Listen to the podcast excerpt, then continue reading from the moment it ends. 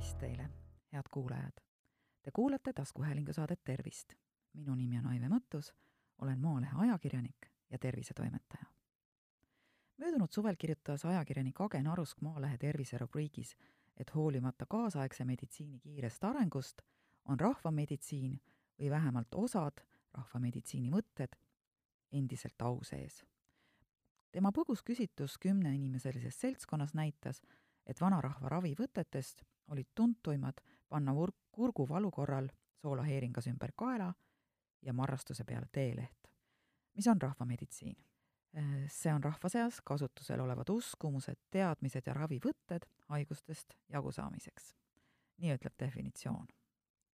rahvameditsiin oli enne nii-öelda koolimeditsiini levikut tegelikult pea ainus võimalus haigustest lahti saamiseks ja abi otsiti ikka eriliste võimetega külatarkadelt või tohtritelt.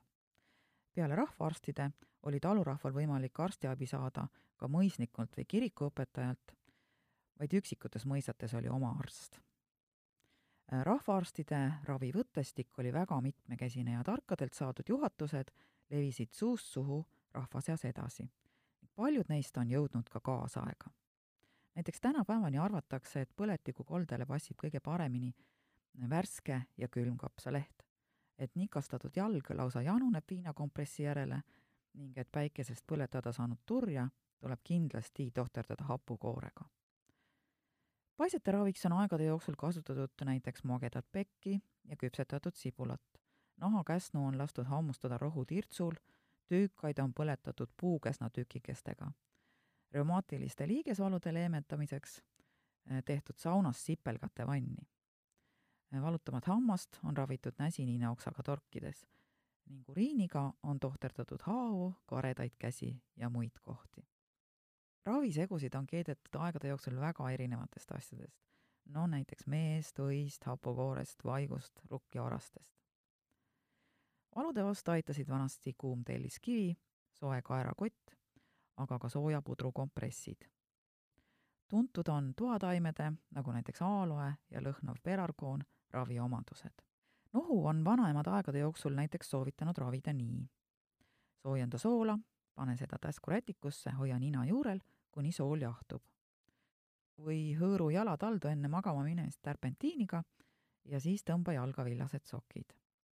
on soovitatud asetada ka saiakuivik kuumale pliidile ja hingata siis sealt tekkivat suitsu sisse või määrida nina seest ja väljast meega. või siis panna ninna küüslauku või sibulat. ja haiguse nohu siis vältimiseks on soovitatud, vanaemad soovitanud enne kodust väljumist määrida nina külmetusvastase palsamiga või ka lihtsalt siis vaseliiniga, sest väidetavalt nii surevad pisikud kohe ära ega jõuagi inimese organismi. on sellel kõigel aga mingigi tõepõhi all või toimib äh, lihtsalt usk? no nohu näite puhul ma soovitan kuulata saadet mille ma mõni aeg tagasi teie ette tõin ja selles vahendasin ma doktor Mart Kulli äh, seisukohta selle kohta, et äh, kas ninna pandud küüslauk aitab nohu vastu. Äh, tõenduspõhine meditsiin ütleb, et tegelikult võib ninna panna ka porganditüki, vahet pole, mida sinna toppida, sest ükskõik, mida panna turses või siis laienenud nina-veresooned, mis on tekitanud ninalimaskesta turse ja nina kinni pannud, ahenevad reflektoorselt selle peale, mida sinna ninna panna, ja tekibki tunne, et hingata on kergem ning nohu hakkab mööda minema. nii et kuulake seda saadet ja, ja mõelge järele, kas nendel vanaemade soovitustel, mis ma siin just ette lugesin, võiks olla mingi tõenduspõhine alus või mitte. ravimtaimede omadusi, mõju ja koosmõju ravimitega on aga uuritud väga palju ja katsetatudki üksjagu teadmisi ravimtaimedest on põlvest põlve edasi antud ja paljud neist on ka raamatutesse talletatud. kuid äh, kust pärineb usk hapukoore heasse mõjusse päikesest tulitavalt seljal või miks peaks kaela ümber mähkima haisva kala? meditsiinitöötajad sel teemal eriti sõna võtta ei taha, sest nagu üks perearst Agen Aruskile ütles, praegu ei julge Pärna õietee ka patsiendile soovitada, äkki jõuab lugu ajalehte ja mina saan süüdistuse posimises. teema tundlikkusele viitab samas leheloos ka perearst Eero Merilind, kes arvab, et esmaabiks võib teatud juhtudel kasutada mitmesuguseid erinevaid vahendeid, ka näiteks teelehte haavale, kuid tema tingimuseks on see, et esimesel võimalusel tuleks käiku lasta ka teaduslikult tõendatud ravivõtted. loomulikult on paljud meist lapsepõlves või ka täiskasvanu eas näiteks looduses uidates ja nahka kriimustades teelehe süljega kokku teinud ja marrastusele asetanud, arvates, et süljel on antibakteriaalne toime. kuid meditsiinilist põhjendust, miks nii on kasulik teha, siiski olemas ei ole. samas haava katmine millegagi, mis pole silmnähtavalt must ja tolmune, olgu selleks siis salvrätt, taskurätt, märkmepaber, teeleht või ka kapsaleht, on igati mõistlik. kuid seejärel tuleb tõesti esimesel võimalusel haav puhtaks pesta, näiteks jaheda voolava vee all, desinfitseerida ning katta puhta plaastri või sidemega ilmselt pärineb teelehega haava katmise soovitus vanast ajast, kui ühekordseid tasku- ja salvrätte veel polnud ja riidest taskurätiks sageli puhtusega ei hiilanud. siis sobis teeleht kiireks abiks tõesti väga hästi. ja sobib ka praegu. et aga teeleht marrastuse, haava ja ka põletiku puhul hea on, seda teavad loomulikult kõik ravimtaimede omadustega kursis olevad inimesed, kuid nemad rõhutavad, et kasutada tuleks hoopiski teelehe mahla ehk siis teeleht purustada, panna selle mass kannatada saanud kohale ja kui vaja, siis see sinna paigale kinni siduda. samas mullahaavale ja ka putukahammustustele panek on ohtlik, isegi väga ohtlik, sest mullast võib saada teetanuse tekitaja, kes elab mullas. ja teetanus on väga tõsine haigus. kui olete herilase või mesilase käest nõelata saanud, tuleb nahka kinni jäänud nõel pigem ruttu välja tõmmata ja viga saanud kohta jahutada siis jaheda, mitte jääkülma veega jahutamine on hea. ja seda võib teha ka siis, kui äh, näiteks jäsemed on paistes, igati normaalne tegevus. aga pikemaajaliselt viinakompressi jalgade peale või ka käte peale, kui need turses on, siiski panna ei maksa, sest äh, see matsereerib naha ära. samamoodi teeb tegelikult ka vesi. mida tähendab sõna matsereerima? Eesti õigekeelsussõnaraamat annab selle tähenduseks raku vaheainet lagundama seega alati tasub nii-öelda märjale külmale eelistada kuiva külma. kui teil spetsiaalset külmakotti sügavkülmas käepärast pole, sobib äh, jahutamiseks hästi ka läbikülmunud lihakäntsakas. oluline on meeles pidada, et naha ja külmakoti vahele tuleb alati panna riie, sest muidu te tekitate oma nahale külmakahjustuse. Kuidas toimib hapukoor põlenud turjale? miks seda sinna üldse pannakse? No küllap polnud inimestel nõukogude ajal piisavalt äh, kreemi käepärast mis nahka oleks niisutanud ja siis läks hapukoor käiku, sest seda oli saada. külmkapist võetud hapukoor oli ka jahe ja eks arvati, et see jahutab põlenud nahka. tegelikult aga on hoopis vastupidi.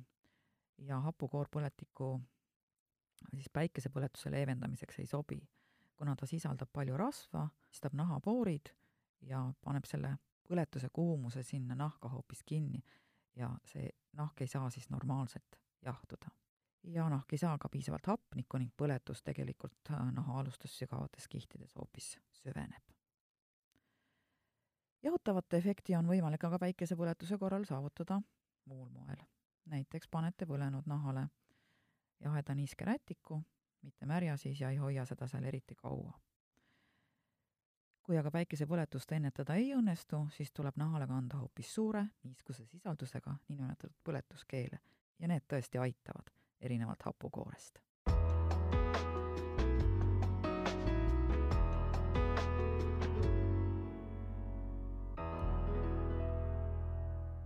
rahvameditsiini arsenali kuuluvad ka igasugused erinevad taimed. ja hoolimata sellest, et Terviseamet igal kevadel soojade ilmade saabudes meelde tuletab, et nii mõnigi aias või metsas tärkav taim põhjustab söömisel tõsiseid tervisehädasid, kahjustavad inimesed oma tervist nii ülaseid kui rododendroni õisi süües. on teada juhtumid, et lapsed on valmistanud rododendroni õitest jooki ja täiskasvanud söönud nartsissilehtedest salatit ning krõmpsutanud ülaseid garneeringuks peale. on see siis nüüd tervisliku toidu ihalusest või nii-öelda rahvameditsiiniga seotud mingisugune ravimeetod, vahet pole. Tagajärjeks on iiveldus ning halvimal juhul lausa oksendamine Äh, kindlasti tuleb erinevate metsa- ja aiasaaduste töömisel olla ettevaatlik ning ka väikese kahtluse korral tundmatu taim, mari või seen lihtsalt puutumata jätta, ükskõik kui ahvatlev see välja näeb. ja seda peaks lapsevanemad kindlasti ka järglastele meelde tuletama, sest ähm, süütult söödud ilus taimeke võib olla tervisele suuremal või vähemal määral ohtlik. no näiteks rabarberi varred on kenasti söögikõlbulikud ja taimelehti võib väikeses koguses kasutada supi maitsestamiseks, aga rabarberi lehti ei tohi mingil juhul kasutada smuuti ega pesto valmistamiseks, sest neil on maksale toksiline toime. ettevaatlik tuleb olla ka igasuguste maa sees leiduvate juurikate toiduks tarvitamisel. näiteks võileile juurika asemel on ekslikult roogi valmistatud mürgisest karumustika juurest. Ja tavapäraseks on kujunenud juba see, et karulaugu asemel süüakse kevadel piibelehe ja mürgise sügislillelehti igasuguse mürgistuskahtluse korral aga tuleb kohe helistada Terviseameti mürgistusteabekeskuse infoliinile ja see number on üks kuus kuus kuus kaks. kordan veel kord, üks kuus kuus kuus kaks. liin on avatud seitse päeva nädalas ööpäevaringselt.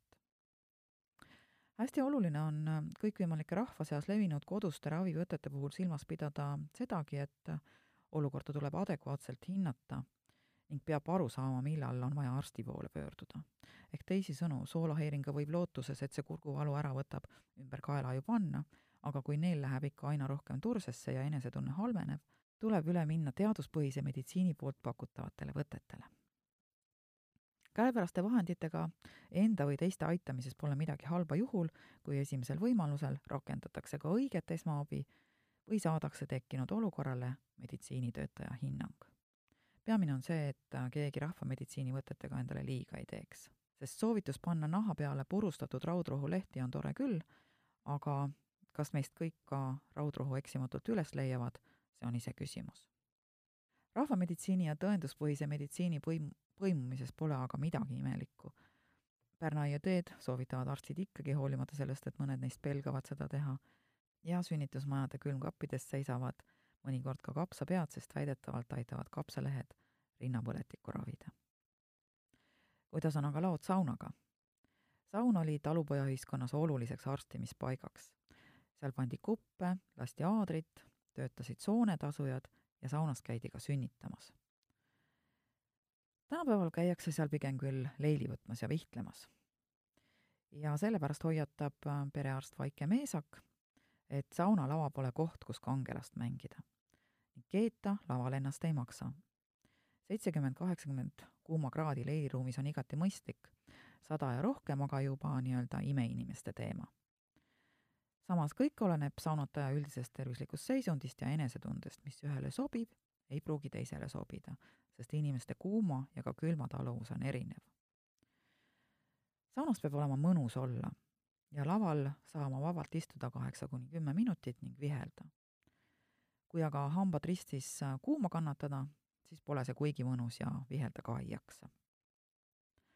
kiiresti tuleb saunaruumist välja minna siis, kui kõrvus hakkab tugevalt kohisema, pea ringi käima või valutama, süda läheb pahaks ja silme eest kisub mustaks.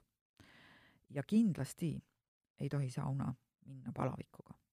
kui haigus hakkab mööda saama, ja kolm-neli päeva palavikku enam ei ole, siis võib sauna minna ja nii-öelda haiguse jäägid välja higistada. ja pärast siis kohe kiiresti teki alla. nohu, köha ja kurguvalu ning saunaga on aga nii, et mõnikord on saun hea, mõnikord mitte. oleneb haiguse raskusest. kolm-neli esimest päeva võiks siiski mitte sauna minna. Ja kui teil on selline ma vist hakkan kohe haigeks jääma seisund, siis sellega on samad lood mõnikord läheb sauna ka õnneks, eriti kui pärast sauna kohe sooja teki alla minna. teinekord aga lööb leil tõve just lahti, sest siis on haigus tõenäoliselt juba sellises staadiumis, et seda ära hoida enam ei anna, pigem kiirendab saun selle avaldumist. südamehaigetel ja vererõhuga kimpus inimestel ei ole aga tarvis saunast loobuda ega seda piljata. Kuid pole vaja ka liiga suure kuuma kätte minna. Nende jaoks kehtib reegel kui tunnete end saunapäeval halvasti, siis ärge sauna minge. eriti ettevaatlikud peaksid olema vanemad inimesed. kuidas on aga lood sauna ning haavade ja luumurdudega? kas kips sobib saunalavale? no neli-viis päeva pärast õmblemist, kui haav on kokku kasvanud, võib sauna minna küll. lihtsalt side, mis haavale peale pandud, tuleb pärast kuiva vastu välja vahetada. Kilekotil ümber sideme pole mõtet sellest pole midagi, kui side ja õmmeldud haav märjaks saavad, pärast lihtsalt loputate ära, panete kuiva sideme peale. ja kipsid on tänapäeval sellised, millega kannatab suhteliselt kenasti ka saunas käia. värske luumurruga aga siiski lavale ronida ei maksa. kui aga luumurd on juba pisut aega vana, siis võib minna küll, sest pesema ju peab ja leiligi võib võtta erinevate nahahaiguste puhul tasub kuulata aga nahaarstide nõuandeid, sest on seisuneid, mille korral saunas käimisega midagi ei juhtu ja neidki, kui niiske kuumus on vastunäidustatud. kuid on üks äh, saunatamise juurde kuuluv tava, mida doktor Vaike Meesak äh, väga ei naudi või õieti talle ei meeldi see. Äh, see on siis kuuma kehaga külma vette hüppamine või, või siis keha veega ülepalamine või siis ka lumehange kargamine.